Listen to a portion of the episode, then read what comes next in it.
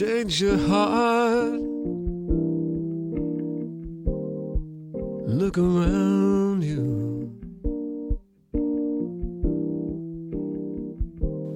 Adaptasyon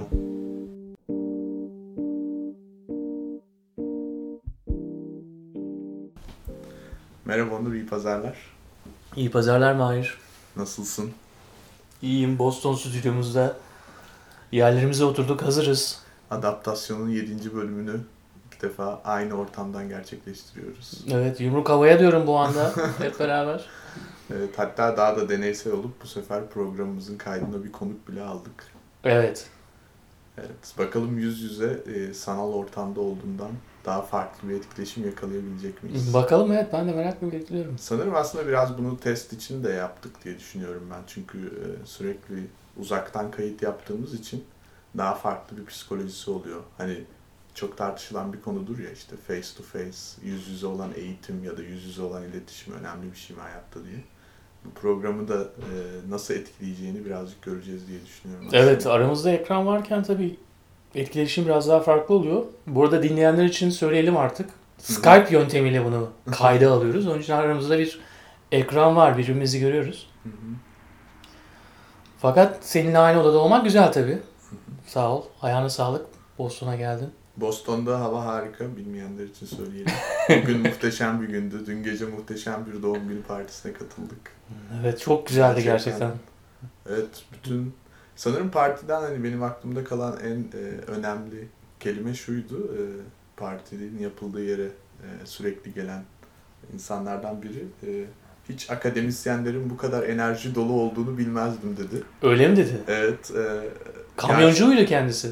muhtemelen yani mesleğini tam olarak bilmiyorum ama kamyoncu olabilir. Çünkü E, kamyoncuların uğrak e, Mekanlarından evet, birindeydi. mekanlarından bir tanesiydi. evet, çok güzel bir tecrübeydi ama. Bence de düzenleyenlere sağ ol. Zaten bugünkü sanıyorum programın e, ana e, orta kısmında yani yoğunlukla ele almaya çalışacağımız bu e, çalışma, çalışan sınıf, çalışma hayatının değişiklikleri konusunda da bize pratik bir örnek oldu diye düşünüyorum dün akşamki tecrübe. Yani aslında çalışan sınıfın nasıl aynı e, şeyleri paylaştığı ve aynı kaderi de paylaştığı ne kadar farklı sektörlerde çalışırlarsa çalışsınlar e, birazcık bunu gözlemleme fırsatı bulduk diye düşünüyorum ben açıkçası. Yani evet. Hepimiz aynı gemideyiz. Artık sınıflarla ayrımızı Programımızın mottosu olma yolunda Ya evet, hızla ilerleyen hepimiz aynı gemideyiz. bilmiyorum herhalde bunun bir politik iz düşümü var mı? Neden bu kelimeyi devamlı kullanıyoruz ama inanıyoruz demek ki buna. Evet yani artık hani herkes gerçekten çok birbirine bağlı bir dünyada yaşıyor ve e, yani ne bileyim hani eskiye göre herhalde borsayı falan takip eden insanların sayısı inanılmaz artmıştır diye düşünüyorum. Her ne kadar hani borsa çok spesifik bir şey olsa bile. Borsa? Borsa yani stock exchange. e, bunu takip ediyor yani insanlar artık. Norm oynamayan insanlar bile haberdarlar. E, ama e, gerçek hayattaki tecrübelerimizi e, programa aktarmanın önemli bir şey olduğunu inanıyorum. Yani günlük hayattaki e, teknolojiyle olan ilişkimizi başka insanlarla olan ilişkimizi düşünerek e, değerlendirmemizin de önemli olduğunu düşünüyorum. O yüzden bu hafta Boston'a gelmek bence çok iyi bir fikirdi. Güzel evet. 40. yaşımı seninle başlamak güzeldi. Evet, yeniden mutlu seneler diyoruz Teşekkür sana ediyorum. o zaman. Ee, şimdi istersen şöyle yapalım. Önümüzde bir sürü yoğun bir gündem var. Türkiye ile ilgili, dünya ile ilgili. Birkaç tane kısa önemli olduğunu düşündüğümüz, yani bu haftanın ve önceki haftalardan e, beri devam eden haberleri irdeleyip biraz. e, Ondan sonra da e, daha detaylı bir şekilde ele almak istediğimiz konumuza geçelim. tamam önce kısa kısa başlayalım o zaman. Ee, ilk haber tabii ki bizim aslında en başından beri herhalde programın konuşmaya çalıştığımız, sürekli gündemde tutmaya çalıştığımız 22 Kasım e, temiz internet uygulaması. Yaşasın. E, yaşasın temiz internet. E, şimdi tabii hani bizim için birazcık daha sansürü çağrıştıran bir uygulama bu. E, buna dair çok güzel bir e, yazı vardı. 22 Kasım'ın bir marketing e, projesi oldu, bir pazarlama projesi oldu. Çünkü 22 Ağustos olarak orijinal olarak çıkmıştı. Hatırlayacağımız gibi bu kampanya, filtreleme kampanyası çok büyük bir tepki almıştı. E, daha sonra 22 Kasım'a ertelendi. 10 gün kadar bir süre verildi zannediyorum açıklama yapıldıktan sonra kamuoyunun katkılarını ve itirazlarını alabilmek için. Fakat tabii ki bu sürede çok bir şey olmadı. Zaten 10 gün böyle ciddi kapsamlı bir yasayı eleştirmek için çok kısa bir zaman aralığı. Birazcık e, kerhen yapılmış olduğunu düşünüyorum ben. Hani yapmamış olmak için. E, şimdi 22 Kasım'da bu filtreler başlayacak Türkiye'de. Filtreler değil aynı zamanda e, internet servis sağlayıcıların çok ciddi bilgi toplayacağı, kimin nereye girip girmeyeceğini tamamen bu kurula danışacağı bir uygulamaya geçilecek. Basında da artık ne yazık ki hiçbir şey görmüyoruz bununla ilgili. Ee, ne düşünüyorsun sen bu konu yani çok ciddi bir konu olmasına rağmen niye bu kadar artık halı altına süpürülmeye başlandı? Yani şunu söyleyeyim ben bu piyasada eğer para harcayacaksam bu 22 Kasım'da önümüze gelecek engeller e, adımlarımı bir değil, iki değil, üç kere düşünmemi gerektirir. Yani kapatılacak site sayısı artacaktır. E, Bir vurdum duymazlık var tabii. Ben özellikle e, endüstride şu anda ilk aşamalarında olan şirketlerin biraz daha ileriyi düşünmeleri gerektiğini düşünüyorum. Yani siz daha fazla para kazanabileceksiniz, kar edebileceksiniz yakında şirketleriniz. Eğer şu anda bir şey yapmazsanız ileride önünüz kesilebilir. Onun için bence e, harekete geçmek için çok iyi bir zaman. Yine son 10 dakika. Yani şu an o 13 Kasım'dayız. Bak 22 Kasım olacak. E, onun için e, son günlerde belki kamuoyunun dikkatini biraz daha bunun üzerine almamız lazım. Bence de kesinlikle. Ee, bunu bence bir sonraki programda bir daha bir daha E, hatırlatmakta tabii. fayda var. Yani 22 Kasım çok önemli bir tarih olacak gelecekte geriye dönüp bakıldığında eğer bu filtre uygulaması geçerse. Hani bazı şeyleri olmadan önce uyarmak, görmek önemli diye düşünüyorum. O yüzden bu konunun peşini bırakmayı düşünmediğimizi buradan bir kere daha hatırlatalım. Ee, ikinci konu yine geçen hafta biraz üstünde durmuştuk. Ee, basını da biliyorsun bir şeyler düşünüyor. Sağ olsun e, TC. Ee, bununla ilgili de çok güzel bir e, alternatif bilişim platformunda bir eleştiri yazısı yer aldı. Basın özgürlüğü, e, basın internet yasasının işte hem karta bağlanıp sarı kart verilip basın mensuplarına e, hem de belli düzenlemelere e, sokulacak olmasının kaygı verici olduğunu yazmışlar. Güzel bir eleştiri yazısı. Zaten hani bu yazıların hepsini biz e, blogumuzda paylaşıyoruz. Oradan herkes takip edebilir. Şimdi yazının detaylarına girmeye gerek yok. O konuda da kısaca bir fikrini alalım. Yani şimdi e, homojen bir topluma doğru mu gidiyoruz? Şu an konjektür olarak belki de istenilen o olabilir. Fazla ses çıkmasın etraftan. Hı hı. Farkındaysan politik olarak da ülkemizin etrafındaki bölgelerdeki değişimler de söz konusu. Hı hı. Amerika'nın bölgedeki rolü de söz konusu. Yani ben konuyu çok açmak istemiyorum ama olaya çok bütünüyle yaklaşmak lazım.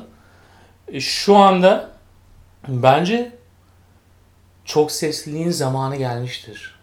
Çok sesliliğin zamanı gelmiştir. Homojen toplumun pompalamasından çok rahatsızım. Hı hı. Ve bu konuda sarı kart, kırmızı kart ne filan kart filan istemiyoruz. Evet. Onu söylemek istiyorum. yani çok Yani- sessizlikten korkmamak lazım galiba. Hani bu kadar böyle herkesi belli bir standarda filtrenin kapsamına, kategorilere sokmaya çalışmak. Bakın hayır şey dediler yani internet canavarlaşmayacak dendi. Hı hı. E, bence buradaki analoji biraz Komik kaçıyor. komik kaçıyor. Aynen öyle. Evet. Burada bu- kadar bitireceğim. Hı hı. Komik kaçıyor. Bu, bu analojiyle devam edilemez. İnternet ve canavar yan yana konarak, insanlar korkutularak Hı hı. e, bir komut altına alınamaz. Hı hı.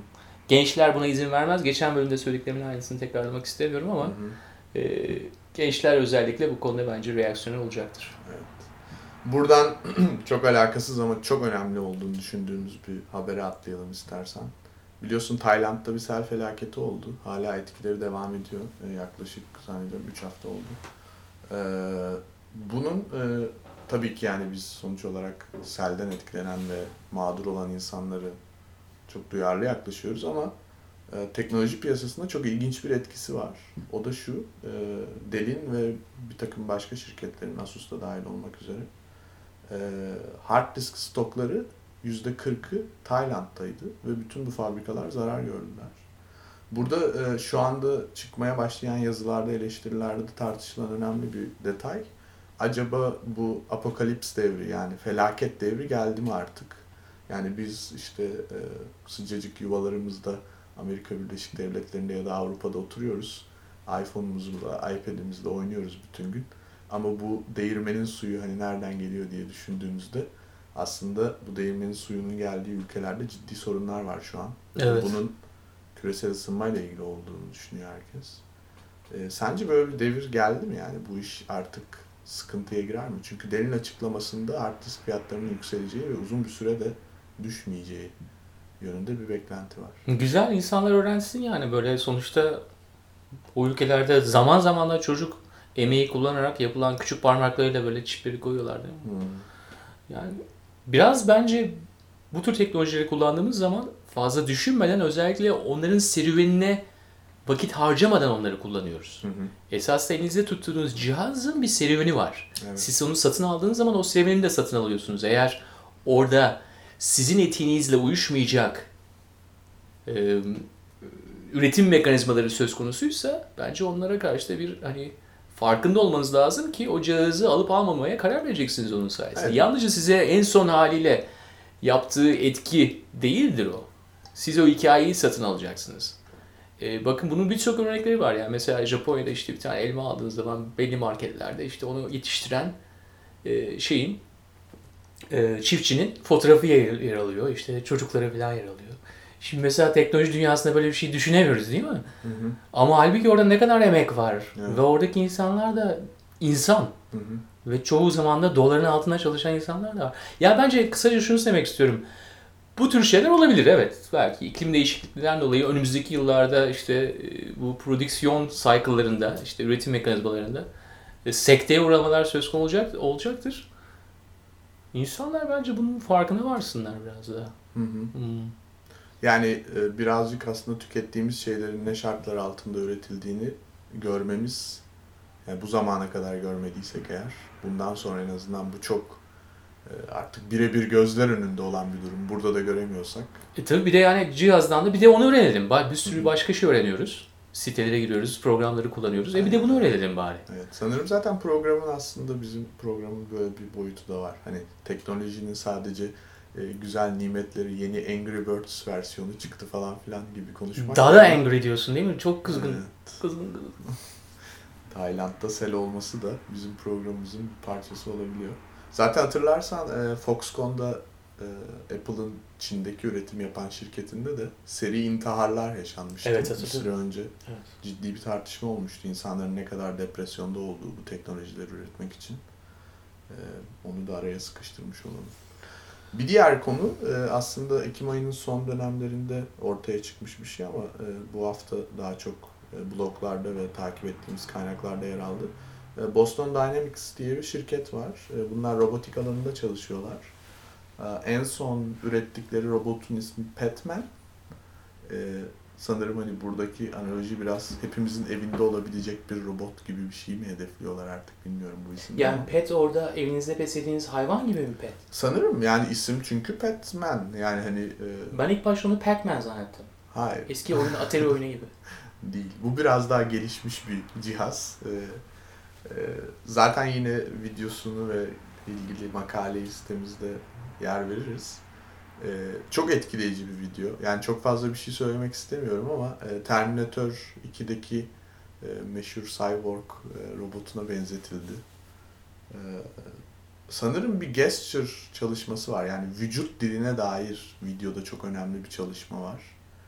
Bir de robotun şınav çekmesi var. Tabii hani o Evet. şınav kısmı e, bizi bayağı etkiledi açıkçası. Evet. Yani gözlerime yaşlar geldi. Bir robotun şınav çektiğini görünce dedim ki. Formda kalmaya ihtiyacı olabilir. O da bizim gibi biraz acı çeksin yani. Her şey kolay olmasın. Yani robotsun diye bir anda kasların oluşmasın. Biraz o biraz.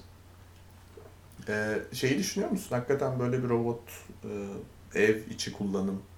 Hani benim aklıma Nasıl? açıkçası, Kendi evimi de düşünür müyüm diye soruyorsun. e, bir robot düşünür müsün? Eve bir robot düşünür müsün? Satıcı sor- alabilirim bilmiyorum. Yanında ne geliyor? Tarak falan var mı? Yanında bilmiyorum tarak mı var ama e, hani açıkçası da benim aklıma başka kullanım alanları gelmiyor değil. İlk etapta mesela e, güvenlik güçleri olabilir. Şınav çeken bir robot. Hani demoda şınav çekiyorsa gerçekten neler yapar? Biber gazı. e, biber gazını iyi Güzel sıkar. sıkabilir. Evet öyle şeyler olabilir. Robocop. E, fakat gerçekten sanırım o çağ çok uzakta değil artık. Yani bu demoyu gördükten sonra görüyoruz ki hani o e, zaten biliyoruz ki teknoloji bilim kurgu filmlerinden inanılmaz derecede etkilenip onlardan ilham alıyor. E, yakınlar gibi gördüm ben. Sen ne düşünüyorsun? Ya ben dedim robot olayında bir, birkaç unsur var. Yani ya güvenlik için Hı hı, ya hizmet için, hizmetçi gibi hı hı. değil mi? Ya da seks için kullanılacaktır büyük ihtimalle. Aynen öyle. Yani sonuçta bilmiyorum. Bir robotla arkadaş olabilir miyim bilmiyorum. Olamam yani. Dener misin peki? Yok ben uğraşamam. Ben insan seviyorum robot. Robot sevmiyorum diye kesip attın yani. Bence çok erken karar veriyorsun. Hayat uzun ama e, Belki Neyse. zorunda kalabilirim yani. İnsanlar ortalıktan kaybolur. Bir tek robotlar kalırsa tamam o zaman düşünürüm. Zaten Şu an başka şansım var ama. Ee, sanırım biraz şöyle bir durum var. Ee, mesela sosyal seninle tartıştığımız ana genel olarak yani konu başlıklarından biri bu ya. İnsanların ne kadar asosyalliğe ya da daha doğrusu arayüz üzerinden sosyalleşmeye itildiği bir dönemde e, yalnızlaştıkları ve başka bir arayüzün onlara arkadaşlık edebilme ihtimalini ben çok küçük görmüyorum. Yani e, ortam hazır gibi geliyor bana aslında. Yani bir 5 sene içinde Hani bakın hiç arkadaşınız yok, dışarıda çıkmıyorsunuz, bütün gün Facebook'tasınız, Farmville'desiniz. En azından şu robotla arkadaşlık edin diye. Ee, Yani sakin sakin bakan gözleri yumuşak bir falan varsa böyle hani... dış e, görünüm önemli diyorsun. Yani evet önemli tabii. Evet. Kadın veya erkek yani bir şekilde bir şey verecek yani bir insansılık verecek bir isterim ben. Öyle robot gibi robot istemiyorum, insan gibi robot istiyorum. Farmville demişken e, Hı. bu hafta çok güzel bir e-mail aldık hatırlıyorsan. E, Berlin'deki bir dostumuzdan, Hakan'dan, Hakan Bilenler. E, kendisi e, video oyun piyasasında çalışıyor. E, onun çok güzel bir sorusu var. O soruyu da kısaca değerlendirmek istiyorum ben seninle birlikte. E, diyor ki e, bir süre öncesine kadar çok daha insanların kişisel zevklerine yönelik bir şekilde ve kişisel tüketime yönelik oyunlar geliştiriliyordu. Fakat son e, 3-4 yıl içinde social gaming yani sosyal oyun oynama kavramı çok fazla yaygınlaştı ve de şirketler çok büyük cirolar yapıyorlar şu an işte Zynga gibi, Rovio gibi. E, bu insanların buna nasıl motive olduklarını düşünüyorsunuz ve de e, normalde kendi evlerini bile toplamayan, çok dağınık bir hayatları olan, efendime söyleyeyim aslında belki de belli noktalarda psikolojik bozukluk seviyesine kadar e, kapitalizmden ve teknolojiden bunalmış insanların sürekli bu ortamlarda bir işte çiftlik yapayım, karpuz yetiştireyim, yandaki çiftlikten süt alayım falan gibi böyle ilginç bir hayal dünyası içinde ciddi bir iş gücü harcadıklarını ve bunun sebeplerinin neler olabileceğini sormuş. Aslında e, güzel bir konu açıyor buradan bize bence. E, sen ne düşünüyorsun? Bu insanlar addicted mı? Yani bağımlı mı oldular bu işlere yoksa orada buldukları değer nedir sence? Ya sonuçta kullanım değerini biriktirmeye çalışırız ya. Hani işte çalışırız. Bunun sayesinde mallar ve hizmetler satın alırız. Bunu yalnızca kendimizin tatmini için yani hepsi tatmin için de başkalarına da göstermek isteriz. Yani bir yarış içerisindeyiz. Evet. E, Yandaki komşudan biraz daha iyi bir araba kullanmaya çalışır insanlar işte. Biraz daha üstün başın daha iyi olsun. Bir etrafını kendine karşılaştırırsın. Bu oyunlar da onun çok ucuza, kolay yoldan ve her yerden yani işte özellikle çalışırken yapan bir sürü insan var. Farm ile giren insanlar var. Bunu e, bir, bir tür bir tezahürü. E, bunu kullanıyorlar. E tabii ki yani bir alışkanlık söz konusu. İşte Mafia Wars var.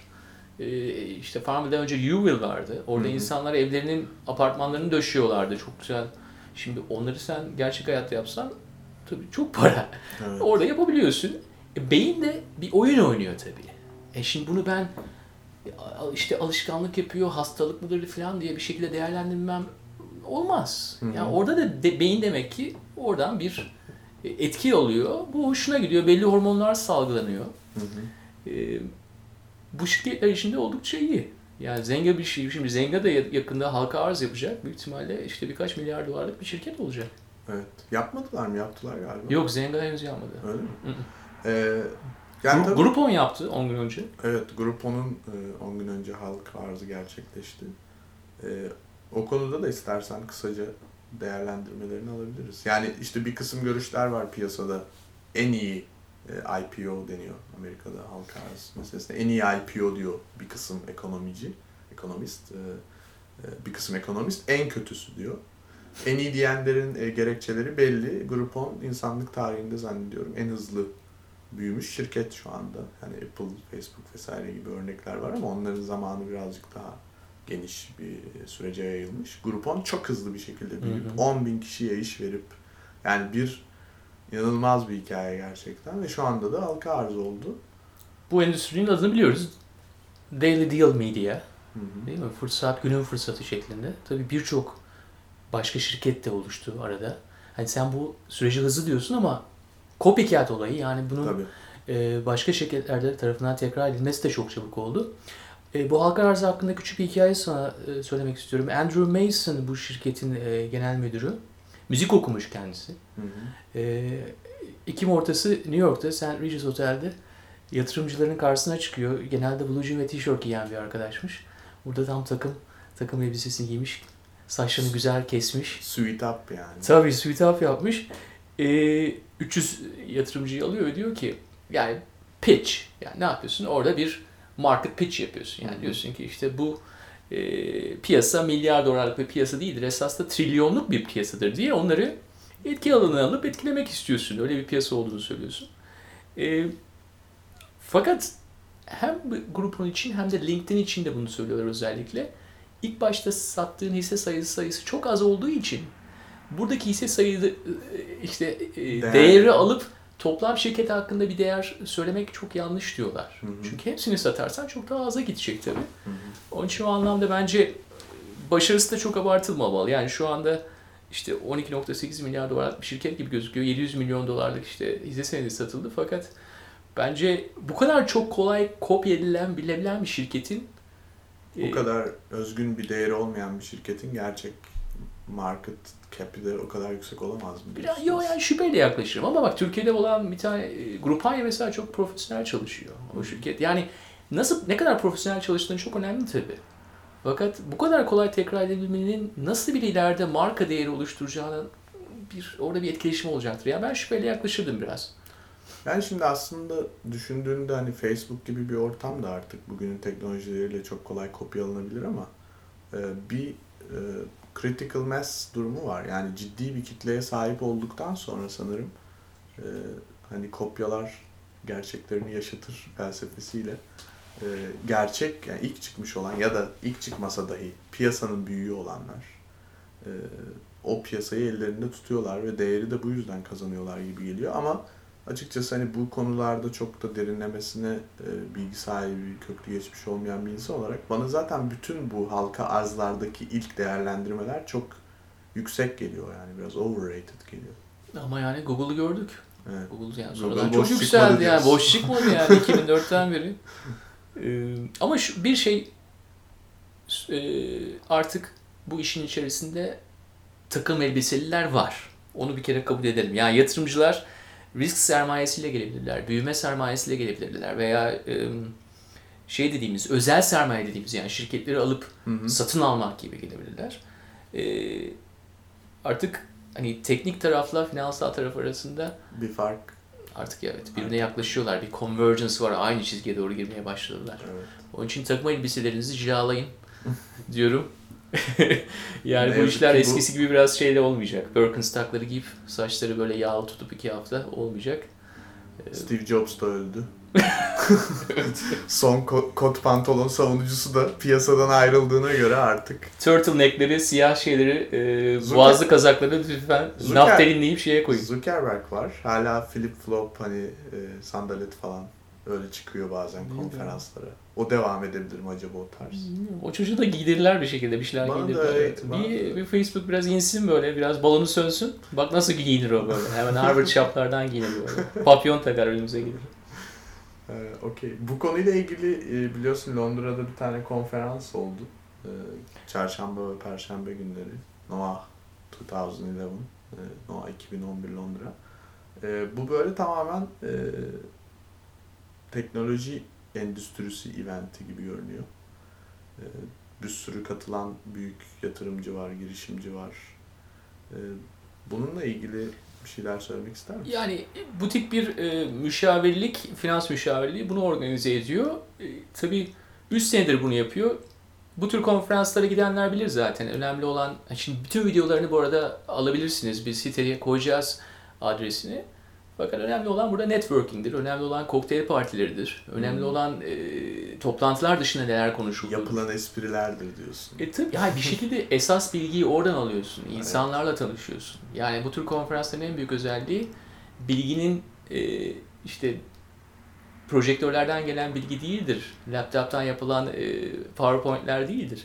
İnsanlar nasıl reaksiyon veriyor? Hem onlarla kontak kurmak bir de tendanslarını anlıyorsun biraz. Neyi nasıl işi kokladıklarını, ne, ne tür şeylere yöneldiklerini. Bu konferansta aynı zamanda bir şey daha ortaya çıkmış. Yani Avrupa konferansı olduğu için hangi ülkenin teknik, teknolojik gelişimlere daha fazla önem verdiği, hangi ülke, ülkelerin biraz daha geride kaldığı. Biliyorsun Avrupa, Amerika ve Asya'dan biraz daha geride. Evet. Ama Avrupa içerisinde de bir hiyerarşi söz konusu. Hı hı. Tabii Almanlar bu konuda adımlarını atıyorlar. Güçlü bir ekonomiye sahip oldukları için 2011 sonlarına geldiğimizde. Ee, orada Avrupa'nın atacağı birçok adım var. Büyük ihtimalle de Avrupa krizini konuştuğumuz bu günlerde, işte Evet. Yunanistan'a ithal edildiğimiz günlerde bu tür konferansların ve buradaki Avrupalıların bir araya gelip nasıl bundan kurtulacaklarını işte bu tür şeylerin çok önemli olduğunu biliyoruz. Yani bir tek Merkez Bankası'yla sorun çözülmeyecek uzun dönemde.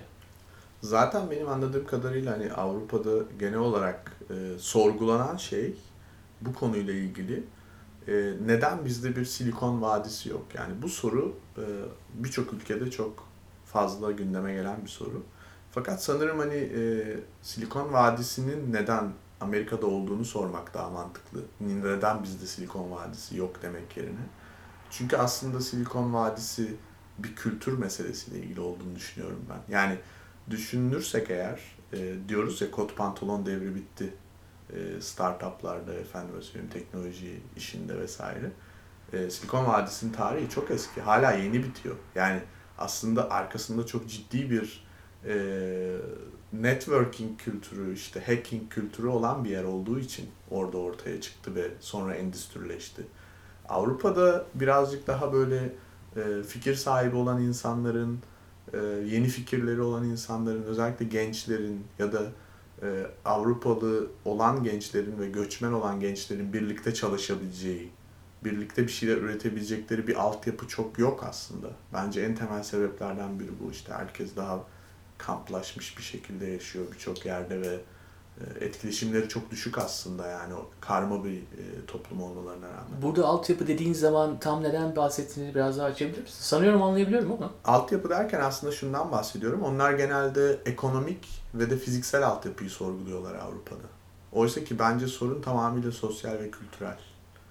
Yani burada insanlar e, ne bileyim işte geçen e, New York'ta dışarıdayken Yeni Zelanda'dan e, biriyle tanıştık e, bir barın önünde. Ve iki dakika içinde e, tamam ben bambaşka bir yerden geliyorum, o bambaşka bir yerden geliyor ama e, gelecekteki e, mobile app'ler, işte e, akıllı telefon uygulamaları e, nasıl olabilir re dair bir spekülatif konuşmaya girebiliyorsun. Yani e, Avrupa'da insanlar hala belli şeyleri global bir dünyada yaşadığımızı çok daha rahat sindirmek ya da bunu kabullenmek istemiyorlar gibi geliyor bana ve bu aslında çok önemli bir şey çünkü teknoloji eğer ki yani Facebook sadece bir markete hitap etmiyor ya da iPhone sadece bir çeşit topluma hitap etmiyor. Bütün dünyaya hitap etmek istiyorsan bir teknoloji üreterek o zaman o teknolojiyi bence bütün dünyadan gelen insanlarla birlikte üretmen gerekiyor. Evet yani özellikle kabiliyetli, hünerli, becerikli insanları arana almakta çekinmeyeceksin. Xenofobik, e, yabancı düşman hareketlere girmeyeceksin. Evet. Eğer buradan kurtulmak istiyorsan Avrupa. Evet. Aslında benim yani sorgulaması e, gerektikleri konunun o olduğunu düşünüyorum. Bütün bu bizim yeterli paramız mı yok, bizim yeterli e, dahi Alman mühendisimiz mi yok falan. Tabii ki hepsi var. Her şey var. Yani buradan hiçbir farkı yok aslında. Sadece o kültürü ki bence o çok organik bir şekilde oluşmuş bir kültür. Hani işte çıkıp eğlenen, beraber sarhoş olan ya da efendim sabahlara kadar e, kodlama partileri yapan vesaire. Hani böyle bu başka bir çeşit bir e, sosyalleşme türü. Onu canlı tutacak bir şey bulmaları lazım. Oktoberfest'te mi alsak acaba o arkadaşları? Böyle Hiç fena bir şey fikir yapsınlar. olmaz aslında. Program, de- developerlar ve tasarımcılar ve işte e, teknoloji teorisyenlerinin hep birlikte gittiği bir Oktoberfest düzenlese bence mi? Almanya. Hı hı. Hiç kötü bir fikir değil bu arada yani gerçekten. Niye olmasın? E, Bence Alternatif olabilir. Oktoberfest. ha. Evet. E, böyle şeyler yüzünden aslında sanırım birazcık e, sıkışık bir durumdalar teknoloji üretim konusunda. Bir de kendilerini de çok çabuk satıyorlar. Hani tabii ki Avrupa parçalı ülkelerden oluştuğu için tek bir e, güçlü bir şekilde duramıyor. Ve Skype gibi mesela Avrupa'dan çıkmış bir takım e, iyi teknolojiler, iyi uygulanmış teknolojiler ve şirketler çok çabuk bir şekilde e, Amerikan pazarına dahil oluyorlar. Kaskın bir kıta. Evet. Biraz daha rahatlasınlar diyorum. Evet birazcık Erman e, Hoca kırmızı kartını gösteriyor. birazcık daha rahat bir şekilde teknoloji içine girmeleri gerektiğini ben de inanıyorum. Ee, şimdi istersen Carl Schramm'ın yazısına referansla e, bir e, ekonominin neden bu dönemde inovasyona uğraması gerektiğine dair bir e, tartışma açalım. Ya belki de Avrupa yaşlı kıta olduğu için e, ekonomimizdeki bazı şeyleri ilk önce yaşıyor. Yani tamam biraz hani dalgamızı geçiyoruz özellikle yabancı düşmanlığı konusunda geçmişleri olduğu için. E, fakat tabii Avrupa'nın şu anda ekonomik e, zorluklarından bir tanesi de eski bir kıta eski ekonomik teşekküllere sıkışmış kalmış. Biraz Evet. kendi kolay yenileyemiyor. Tabii demografik olarak da genç yok. Hı hı. Değil mi? Çok yani fazla üreyen bir kıtada değil. Ee, onun için hani tamam Avrupa'yı eleştiririz fakat oradaki bazı dinamiklerin dünyamızda artık e, e, bazı endüstrilere çok fazla yüklendik. Hı hı. Hala o endüstrilerden kurtuluş bekliyoruz. Nedir sence bu endüstriler? Şimdi bence e, şöyle görüyorum ben aslında durumu.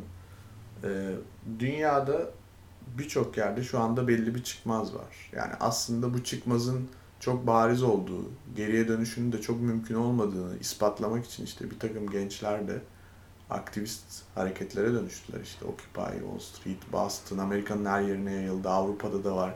Yani ne yaptıkları ya da ne ölçüde işi çok düşünerek ve ciddi bir protestoyu e, tek bir odağa taşıyarak yürütemediklerini düşünüyorum ama e, ortada oluşmuş bir durum var ve bu durumun içinde ciddi bir sıkıntı var.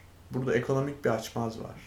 Toplumun yapısının değişmesinden kaynaklanan, toplumun artık birbiriyle olan ilişkisini teknoloji üzerinden çok farklı şekillerde geliştirmesinden kaynaklanan ve de belki de e, artık hani eski teorilere dayalı e, konvansiyonel bir sistemin de yorulmuş olmasından kaynaklanan ciddi bir değişim isteği var. Yani bütün bu bana etrafta okuduğum birçok şey bu değişim isteğinin e, bu ortamın artık hazır olduğunu gösteriyor. Ve işte Karl Schramm'ın yazısında da belirttiği e, bu değişimin teknoloji üzerinden, teknoloji işi üzerinden, ekonominin teknoloji üzerinden yeniden kurgulanmasıyla mümkün olabileceği ancak. Sen ne düşünüyorsun? Bu eski te- eski ekonomi dediğimiz şey neye, e, nelerin üstüne kurulu? Ya bak mesela 2000'de internet balonu oluştuğu zaman Amerika'da Hı hı. özellikle e, Warren Buffett'in e, ünlü yatırımcı, Oman'ın baronu e, bir lafı vardı. Yani onlara girmemişti. internet e, hisse senetlerine girmemişti. Çünkü e, işte Coca-Cola gibi, işte Procter Gamble gibi Hı. yüzyıllık şirketlerin değerlerinin o kadar da e, kolay kolay aşağı inmeyeceğini söylüyordu. Onların esas köklü e, kurumlar olduğunu söylüyordu. Ya haklıydı da esas da. Hani o döneme baktığımız zaman haklı olduğunu görüyoruz. Yani balona açık çok tabii bir anda. Fakat burada bence internet çok önemli. Her şeyi ona yüklemeliyiz. İşte teknoloji daha önemli. Yani balon yaratmadan daha çok ülkeleri daralmaya gittikleri zaman tekrar büyütmek için özellikle şu anda Keynesyen po- politikalar çok popüler biliyorsun. İşte 800 milyar dolarlık yardım paketleri harcanıyor Atlantik'in iki tarafında da. Neye harcayacaklarını çok iyi bilmiyorlar. Ya fazla önden böyle hemen işte güneş enerjisi almaya kalkışıyorlar. O, o şirketler batıyor. Belki işte Çinliler güneş enerjisi panellerini çok daha ucuza yapıyor. Onlar batıyor. İşte onun dışında biliyorsun Büyük Burhan'da olmayan yerlere postane açarlardı. İşte dağ başına postane açarlar. Yani ekonomiyi hareketlendirmek için için aslında olmayacak işler e, üretmek beyhude şeyler yapıyorlar. 2011 yılındayız. Yani siz ne bileceksiniz ki zaten oradaki birkaç tane teknokrat bizim ne istediğimizi bilemez. Hı hı, Postane açmakla da bu yılda artık ekonomiyi büyütemez. Evet. Ya onun için insanlar karar verir. Hı hı. Değil mi? Ya o parayı harcay harcayabilirsin ama yani hiçbir işe yaramayabilir. Şu anda zaten o açmazdayız. Hı hı. Ne kadar harcarsanız harcayın güven olarak dönmüyor topluma. İnsanlar ekonomiye o güveni duymuyorlar. Evet. Ciddi Belki- bir güven sıkıntısı var şu Çünkü geleceğe dair yatırımların yapıldığına inanmıyorlar hükümet tarafından. Hı hı. Peki sence bu e, global bir trend mi yoksa sadece belli ülkelerde yani para gücünü elinde tutan ülkelerin politikası mı? Ya özellikle e, gelişmiş ülkeler dediğimiz ülkelerde biraz daha bu bariz bir şekilde ortaya çıkıyor. Çünkü onlar daha kalıplaşmış bir şekilde e, işte reflekslere sahipler. Fazla da e, böyle küçülmelere çok fazla müsamaha gösteremiyorlar. Çünkü kişiler, oradaki vatandaşlar çok duyarlı bu konuya. Hemen de oylarını atıp onları görevden almakla tehdit ediyorlar yani çünkü. Şimdi böyle ülkelerde biraz daha zorluk var. Hı hı. Kendilerini kolay kolay yenileyemiyorlar. E, bence gelişmekte olan ülkeler orada daha avantajlı gelişmiş ülkelerden. E, onun için biraz daha akılcı ve yaratıcı yaklaşmak lazım ekonomik politikalara. Özellikle toplumun neyi istediğini daha iyi koklamak lazım. Şimdi biz bu programı açtık mesela internetten bahsediyoruz. Dedik Yani şimdi yatırım yapacak insanlar da bu konuda serbestli beklerler. Ona göre yatırım yapacaklar diyoruz ya. E, bu da esasında bu konunun bir parçasıydı. Onu, oradan başladığımız zaman diyoruz ki dünya üzerinde özellikle şu anki ulus devlette tamam mı? E, harcamalar yapıldığı zaman bunların böyle tepeden inme politikalarla yapılması oldukça yanlış. Hı hı. Daha fazla grassroots dediğimiz aşağıdan e, yukarıya gidecek bilgi sistemlerine önem vermeleri lazım. Bu aslında e, demokrasinin bir e, yenilenmesi ya da en azından e, rafine edilmesi gibi bir şey yani teknolojik imkanlarla birlikte. Biraz tanımlar değişecek, biraz Evet. tanımlar değişecek. Aktörlerin görevleri değişecek. Evet. Ee, sanırım ama şöyle bir durum var. Yani büyük oyuncuların artık e, kendi aralarında döndürdükleri bir e, top yok yani dünyada. Artık herkes her şeyin farkında. Yani en azından isterse farkında olabileceği bir durum söz konusu. O imkanlara da sahipse. Transparan, evet o imkanlara da sahipse. e, transparanlık söz konusu. İnsanlar, e, beni mesela en çok e, kritik bir an olarak şey e, Occupy Wall Street protestocularının şey stratejisi çok etkilemişti işte. E, haklarını iyi okumuşlar. Zaten bu Occupy e, hareketlerinin en önemli özelliği o bence. İşte içki de içirmiyorlar kamplarında.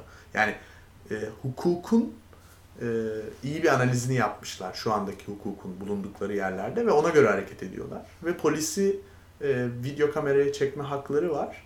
Fakat çekerken e, hep şey diyorlar. The whole world is watching. Bütün dünya seni izleyecek. Yani o kadar iyi çözmüşler ki aslında teknolojinin bu e, zorlamayı şu anda bize ısrarla her gün gözümüzün önüne getirdiğini bir kere daha size hatırlatacağız diyor. Yani sen bu hareketi burada yapabiliyordun eskiden. Hiç kimsenin haberi olmuyordu aslında orada ne olduğundan. New York Times'dan neye okurlarsa ona inanıyorlardı. Ama artık o devir bitti yani. Ben de buradayım. Ben de benim de bir e, iletişim kanalım var. Bütün dünyaya bunu gösterebilirim senin burada ne yaptığını. O yüzden artık eski alışkanlıklarını bırak. Eskiden beri yaptığın şeyleri bırak. Diğer insanları, çoğunluğu ki Batı ülkelerinde bence çok eğitimli çalışan sınıf sayısı şu anda çok artmış durumda eskiye göre. Yani e, üniversite mezunu, doktora mezunu vesaire. E, o insanların da artık e, dahil olabilecekleri, direkt olarak dahil olabilecekleri bir e, ekonomik ve de e, köklü bir siyasi değişiklik ortamı var gibi geliyor bana. Bu tür bir katılımcı demokrasi yani yarın olacak bir şey değil. Bence de. Yavaş yavaş oluyor. Fakat nasıl biraz önce verdiğin örnekte nasıl e, işletmeler herhangi bir şekilde şikayet geldiği zaman bunu ne yapıyorlar işte müşteriler tehdit. İşte ben bunu Twitter'a Hmm. yazacağım diyorlar değil mi? Şirketler hemen akabinde buna bir e, işte kendilerini savunuyorlar. E, ona göre kendi halkla da e, ilişkiler uzmanlarına başvuruyorlar. Kurumlar da öyle. İşte devlet kurumları da öyle. Bir şekilde yani ben şunu düşünüyorum. Yani demokrasinin güçlülüğü işte demokrasi kültürüne o ülkede ne kadar yerleşip yerleşmemeliyle her şeyde bağlantılı değil aynı zamanda. Onu da görelim. Yani işte çok bazı ülkeleri çok gözümüzde büyütüyoruz. Kesinlikle. O ülkelere gidip görüyoruz. Orada yaşıyoruz ve görüyoruz ki gerçekten de e, oldukça bazı özgürlüklerin çok kısıtlandığı ülkeler. Bence bu senin dediğin şeffaflık bütün dünyaya, özellikle gelişmekte olan dünyaya da gelişmiş dünyanın bazı iki yüzlüklerini gösteriyor. Siz bize Kesinlikle. sattınız yıllarca bak sistemimiz diye siz de onu yapın dediniz. Siz neler yapıyorsunuz? Hı hı. Siz onları nasıl jobluyorsunuz? Siz bunu nasıl içeri alıyorsunuz? Siz kimin burada toplanmasına izin vermiyorsunuz şeklinde. Yani teknolojinin öyle bir yararı da söz konusu.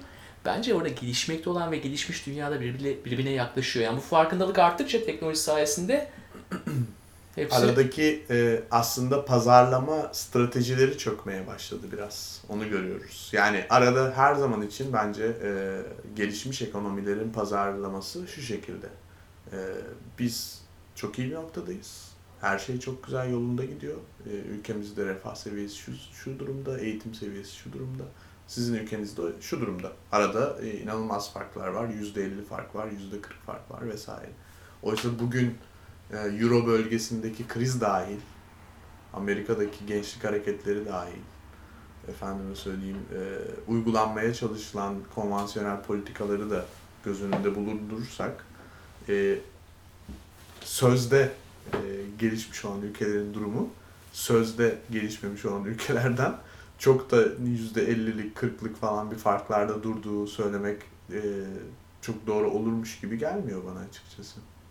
Yani şu anda gayet iyi biliyoruz ki yani her ne kadar e, şey olmasa da e, ciddi kitlelere yayılmış bir hareket olmasa da bu işgal eylemlerini sonlandırmak için hani e, Amerika Birleşik Devletleri'nde özellikle bu işi nasıl çözeceğiz diye ciddi bir mesai harcandığını düşünüyorum ben açıkçası. Çünkü her şey kuralına göre yaptıklarından dolayı biraz da işte bir takım ilginç detay kanunlar gündeme çıkmaya başladı. İşte şu kadar süre bir meydanda yatabilirsiniz falan filan gibi. Hani e, aslında biraz mazeret olarak onları oradan e, götürme mazereti olarak e, bir takım yapmacık şeyler üretmeye çalışıyorlar gibi geliyor ve dediğin gibi bu çok ama teknoloji bize neyin nerede olduğunu, iletişim teknolojileri bize neyin nerede nasıl gerçekten olduğunu halkın gözünden, bizim gibi insanların gözünden e, aktarma konusunda çok önemli bir platform. O zaman sana şeyi sormak istiyorum. Yani şimdi bir şekilde kapitalizmin de eleştirisini mi yapıyoruz burada? Ne yapıyoruz? Yani e, aslında sorguluyoruz gibi. Yani ben direkt olarak hani net bir fikrimiz olduğunu düşünmüyorum konuya dair. Çünkü bu bir değişim süreci. Biz de içindeyiz yani görüyoruz neler olduğunu ya da neler olabileceğini. E, ama sanırım benim açımdan en azından bakıldığında hani ortak bir konsensusla herkesin daha demokratik bir şekilde ortak bir karar verdiği bir yöne doğru çevirmek gemiyi hani madem aynı gemideyiz daha mantıklı. Peki e, bu hafta içerisinde seninle konuştuk hani Schumpeter'in e, Creative Destruction denilen Türkçesini Hı hı. nasıl çeviriyoruz onu? E, herhalde e, yaratıcı yıkımcılık. Yaratıcı yıkım. E, bu sanıyorum hani e, Komünist Manifesto'daki Hı hı. Vernichtung deyiminden geliyor. E, fakat tabii kullanış açısı, açısıyla Joseph Stum, e, söylediği şekli biraz daha hani kapitalizm, kapitalizm esasında kendini yenileyebilen bir sistem. Hı hı. Yıkıyor, yapıyor, yıkıyor, yapıyor şeklinde. Şu anda hani konunun başına dönersek eğer bazı yıkması gereken endüstriler, yani endüstrileri yıkmaktan bahsedebilir miyiz? Yoksa hani teknolojinin oradaki rolünü nasıl göreceğiz acaba? Yani emlak devam edecek. işte efendim tabii ki tıp devam edecek. İşte şu endüstri Şimdi devam edecek. ben şöyle düşünüyorum onu. Bilmiyorum doğru mudur, yanlış mıdır? Sen beni uyar yani. Birazcık e, spekülatif konuşuyor olabilirim ama eğer ki bir geçerliliği yoksa belli bir ekonomik sektörün onun kendiliğinden öldüğünü düşünüyorum ben. Yani siz hakikaten insanların insanlara özgün bir fonksiyon ya da bir içerik sunmuyorsanız, bir değer e, kazandırmıyorsanız er ya da geç bir şekilde o kendiliğinden ortadan kaybolmak zorunda. Yani Mahkum yani. Ben ona inanmak istiyorum yani tüketici cumhuriyetine inanmak istiyorum fakat Hı bazı sistemler e, kapitalizm içerisinde o kadar çok güç biriktiriyor ki Hı hı. sonra son, sundukları ürünü veya hizmetin kalitesinden daha çok o gücün kullanılması önemli oluyor. Şimdi onun için ben hani işte yaptıkları şey toplama yararlıysa bir anda yok olurlar da diyemiyorum. Çünkü o gücün Şimdi- ne kadar kısa zamanda ne, e, biriktirebildiğine şahit oluyor insan. Hı hı. İşte ben teknolojinin e, bu ortamda bir arayüz olacağını düşünüyorum aslında. Yani e, birazcık şunun gibi düşünebiliriz. Diyelim ki 100 tane tişört üreten marka var. Ve bunlardan biri çok güçlü. Çünkü işte borsada da bir sürü hisse senedi var. Efendime söyleyeyim bir sürü de nakiti var. Sürekli olarak marketi kontrol ediyor. Ama oysa ki e, kullanıcı tüketiciye danışırsak diğer 99 markadan birini seçecek hepsi. Belki bu en son herkes için yüzüncü olan marka o. Bu zamana kadar bunu bir şekilde analiz edebileceğimiz, bunu bir şekilde anlayabileceğimiz bir ortam yoktu. Ama şu an böyle bir şey anlaşılabilir bence. Yani herkes fikrini beyan eder ve biz bu fikirlerin hepsini bir yerde de toplayabiliriz, analiz de edebiliriz, durumu görebiliriz. Yani e, geçişin e, teknoloji üzerinden ol, olacak olmasının bence en önemli sebeplerinden biri teknolojinin bu arayüz görevini görecek olması. Aslında o kesinlikle enerji sektörünü, petrol sektörünü falan üstüne e, ele geçirmeyecek asla hiçbir zaman. Teknoloji başka bir şey. Ama her sektörün içinde teknolojik bir adaptasyon süreci yaşanması gerekiyor. Bence mesele burada yani. Güzel bir nokta. Ee, şey de sormak istiyorum. Yani sınıflardan bahsettik özellikle. E, teknolojinin sence bazı e, gruplara bazı şans mı tanıyacak yani diyelim işte e,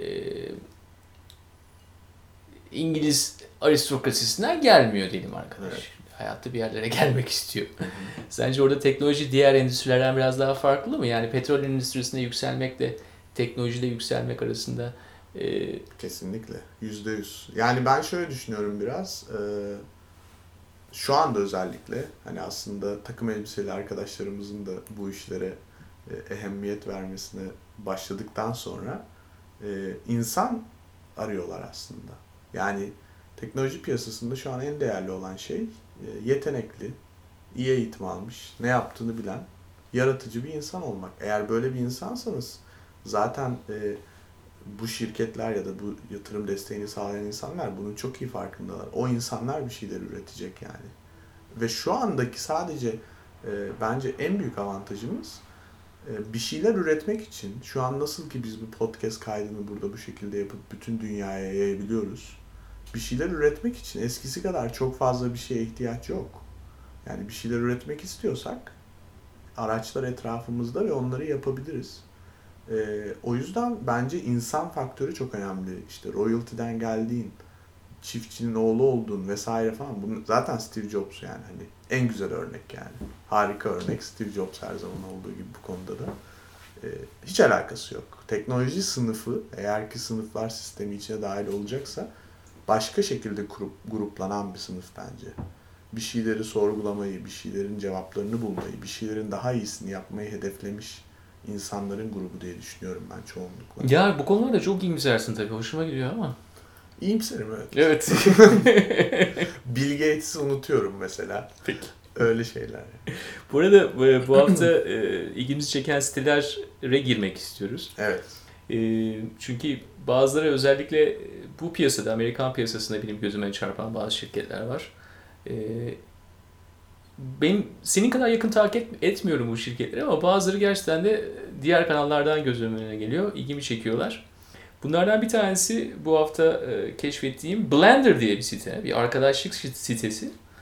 E, biliyorsun bu dating site dediğimiz e, siteler çok popülerleşti. Hem Türkiye'de hem Amerika'da. E, günümüzün bir e, artık insanlarla tanışma yöntemi diyelim. Fakat Blender biraz daha bunu değiştirmek istiyor. Yani gerçekten bir arkadaşlık sitesi yapmak istiyor. Ne kadar başarılı olacaklar bilmiyorum veya ne kadar niyetleri o konuda onu da bilmiyorum. Çünkü bir önceki yaptıkları site Grindr'dı. Bu ım, özellikle eşcinsellerin birbirini bulduğu bir siteydi. Hı hı. Ve biraz hani seks içerikli olduğu söyleniyordu. Blender'da belki de en azından branding açısından biraz da arkadaşlık şeklinde yaymaya çalışıyorlar. Bu site hem e, Blender, Foursquare, Twitter, Facebook'a entegre edilmiş bir şekilde çalışıyor. Heteroseksüel markada ulaşmak için bunu kullanıyorlar şu anda Blender adıyla. E, bu arada hani insan kaynakları dedik oldukça işe alıyorlar. 15-20 şu an insan arıyorlar Los Angeles ofislerinde. Bizi dinleyen Sence nasıl insan arıyor olabilirler? Mesela bir dating sitesi nasıl birini arıyordur acaba? Ben sistem Ben- mimarları falan onun küsur şeyler arıyorlar. Oldukça teknik evet. Ama ne açıdan diyorsun? Ben şu açıdan diyorum. Bence biraz artık hani eskisi tabii ki yani hani herkesin bir tecrübe alanı ve profesyonellik alanı var yani. Hani sistem mimarı olmak kolay bir şey değil yani gerçekten. Ama yani sistem mimarı her startup projesinde yani averaj bir sistem mimarı her startup projesinde çalışmaz gibi geliyor bana biraz. Yani e, sosyal skillleri kuvvetli olmalı ki o da projeye bir şey katabilmeli diye düşünüyorum. Bu çünkü çok sosyal bir sistem. Aha. E, Yani e, o konuda evet. Güzel bir yani esas da evet. Ya da ben olsam patron öyle birini alırım. Belki de ilk başta hani paraları anca buna yetiyor. Hı hı. Belki ilk başta o hani fikirsel e, şeyi kendileri sağlamaya çalışıyor. Hani teknik elemanları alalım, mimar alalım, bir şeyler yapalım diyorlar belki de. E, bu e, sitenin önemi tabii e, uyduları kullanması değil mi?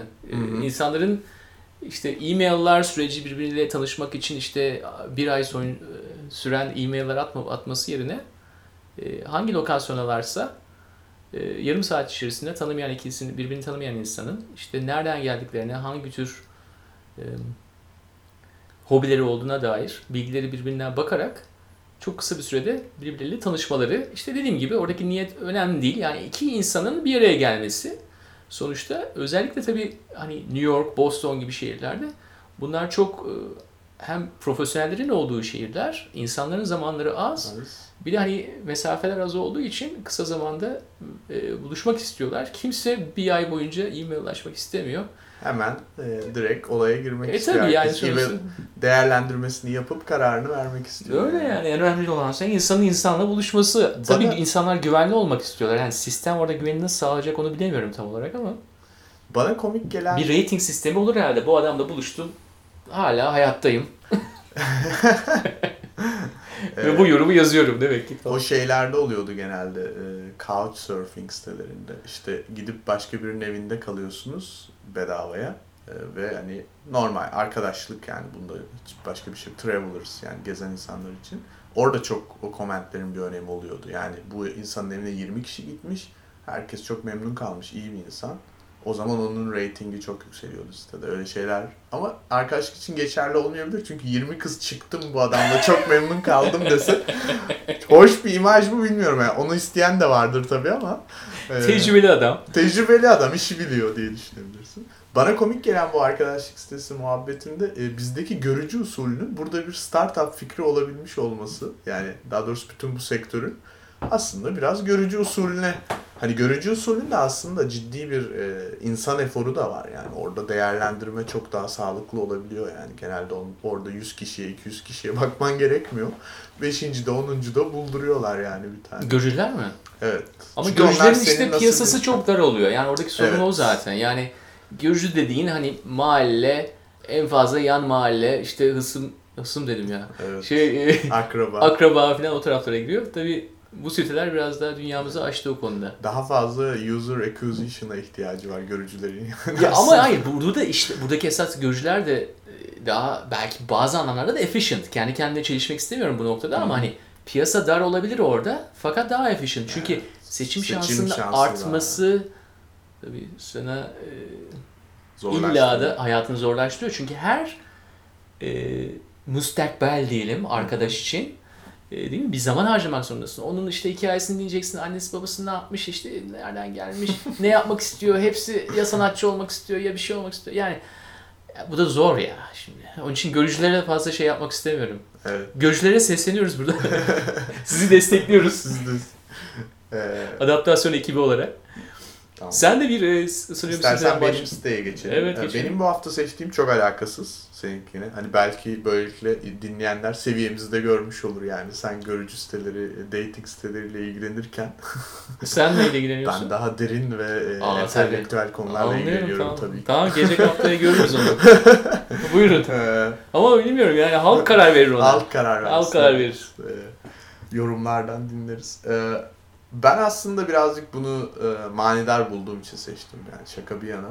Ee, ya Türkçe'de biliyorsun hani böyle bir takıntımız var bu programı yapmamızın, Türkçe yapmamızın sebebi de bu. Hani içerik biraz Türkçe'de de artık biriksin yani. Birileri Türkçe'de de konuşsun bir şeyleri üretsin, tartışmaya başlasın, terminolojiyi zorlasın. Bunlar iyi şeyler. Ee, o yüzden iki tane e, akademisyenin e, E, zannediyorum sitede onların, emin değilim ama e, bir Wikileaks incelemesi var. Çok kayda değer olduğunu düşünüyorum. Çok uzun ve derin bir yazı. E, gayet tatmin edici seviyelerde yazılmış. Yani normal e, ana akım medyada okuyamayacağımız derinlikte yazılmış bir Wikileaks incelemesi ve Türkiye'ye dair olan bir takım e, telgrafların, cable'ların Wikileaks tarafından yayınlanan e, incelemesi. Üç bölümden oluşuyor. E, yani daha doğrusu hani giriş ve sonucu çıkartıyorum. E, Türkiye'nin siyasi atmosferine dair samimi perspektifler e, e, cable'ı vardı. Zaten bu çok meşhur olmuştu aslında Wikileaks yayınladığında. E, hükümetin ve e, hükümetin geleceğine dair olan bir takım detayların çok ciddi ve aslında belki de ironik bir şekilde şu anda gerçekleşmiş haliyle o zamanlardan tahmin edildiğini görüyoruz.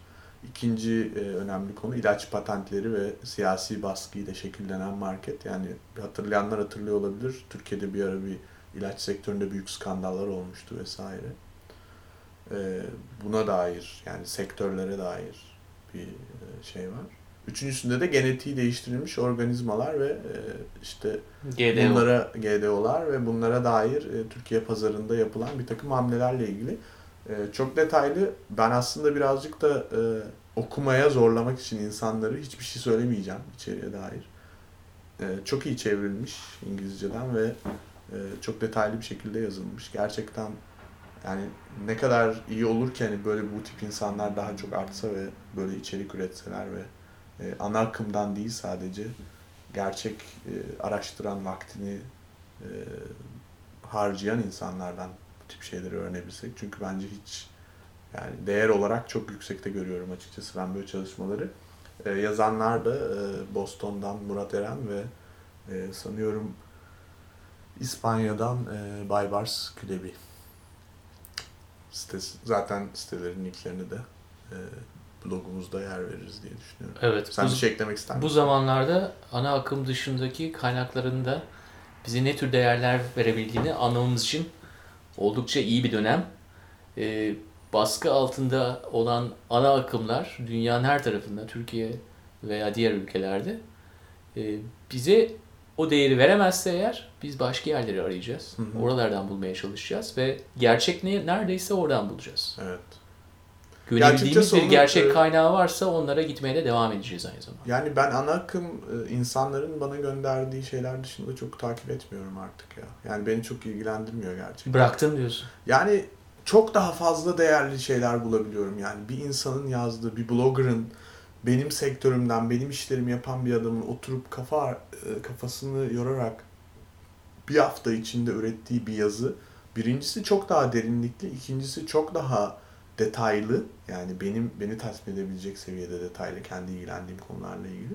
E, Üçüncüsü de çok daha samimi geliyor. Yani Samimiyet. o adama kimse e, bir para desteği ya da bir ortam desteği sağlamıyor ki. Çok yani kendi düşüncelerini paylaşmış işte. Bundan daha değerli ne olabilir yani? Güzel bir o zaman iş hayatına doğru gidiyoruz. Yani artık hem Evet. üreteceğiz hem tüketeceğiz. Üretenler tüketici, Evet. tüketenler üretici. Evet.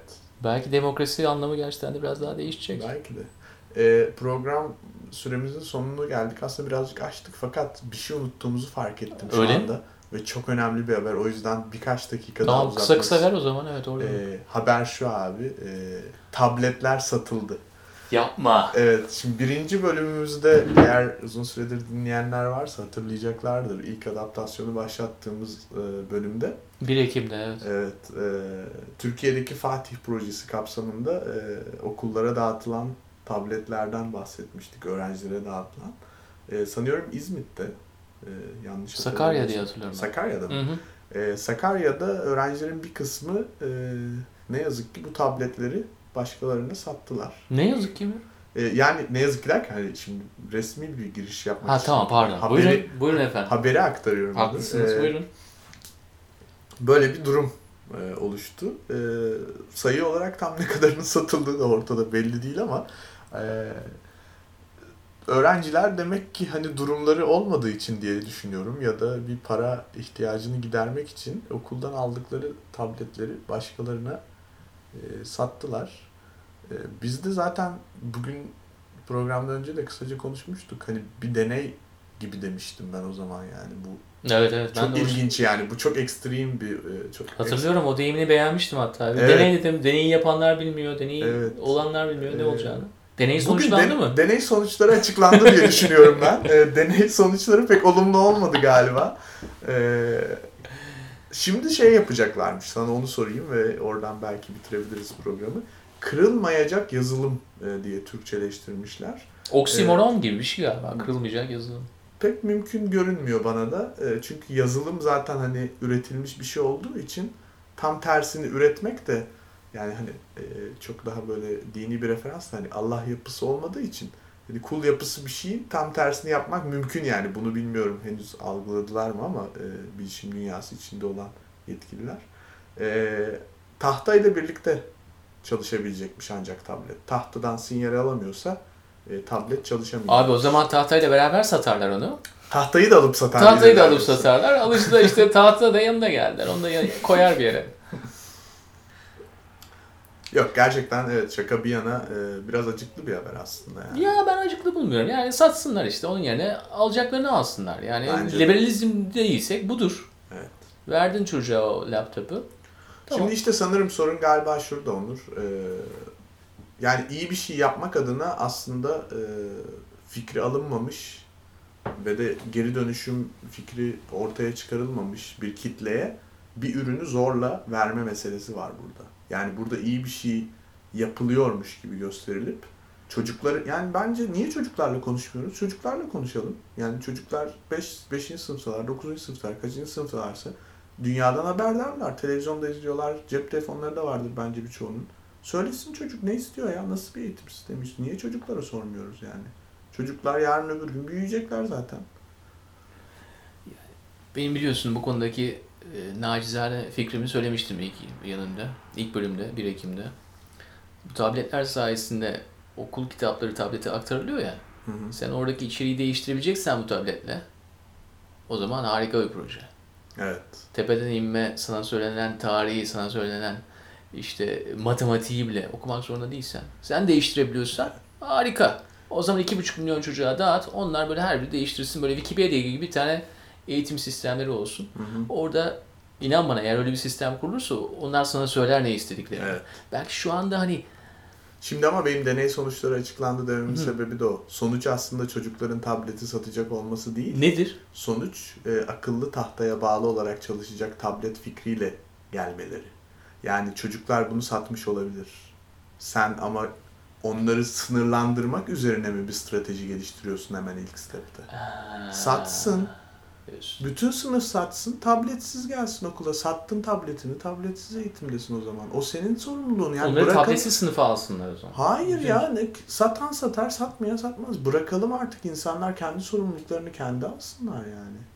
Yani e, ama çalışmayacak satsan da. Hani bu, bu nasıl bir mantık yani? Benim çok aklım almıyor böyle şeyleri artık. Yani e, Köstek mantığı bu. Evet. Aynen öyle. O yüzden ben hiç ne yazık ki pozitif değilim bu tablet e, eğitimi konusunda. Hiç öyle e, etkileşimli ve katılımcı, participatory bir ortam olacağını düşünmüyorum açıkçası. Orada da sınırlandırmalar olacaktır muhtemelen. Yani sen diyorsun ki tepeden inme e, bilgilerin verilmesinin esasında bu daha verimli bir çalışma mı olacak? Tablet esasında hani eskiden Musa'ya verilen tablet gibi böyle al tablet çocuğum. Buradan oku her şeyi. Biraz öyle olabilir. Bütün bilmen gereken gerçeklerin hepsi burada. Evet, biraz ona da dönebilir iş. O yüzden e, yani bu iyi bir sinyal değil. Benim için e, deney sonuçlandı diye düşünüyorum. Tamam. yani. Kaça sattılar acaba? Ben de bir iktisatçı olarak onu merak ettim. Evet, bilmiyorum. Piyasadan öğreniriz diye umuyorum Türkiye'den. Mahir teşekkür ediyorum. Ayaklarına sağlık. Boston'a Ben geldin. Teşekkür ediyorum. Ee, adaptasyon.tumblr.com'dan e, bütün e, programda çok fazla şey konuştuk diye düşünüyorum. Bu program gerçekten bayağı e, yoğun oldu yani e, referanslar açısından. Bütün bu referansları e, web sitemizden edinebilir herkes. Tavsiye ettiğimiz yazılara göz atabilir diye düşünüyorum. Evet. Tek tek oradan bulabilirsiniz. Gelecek hafta tekrar Skype'a dönüyoruz. Evet, ne yazık ki. Yüz yüze daha iyi oluyor değil mi? Yüz yüze biraz daha farklı bir atmosferi var evet onu kabul etmek lazım. Zaten süremizi de 10 dakika kadar açtık. ee, istersen artık burada bitirelim. Önümüzdeki hafta buluşmak dileğiyle. Haftaya diyorum. Teşekkürler tekrar. Teşekkürler Onur.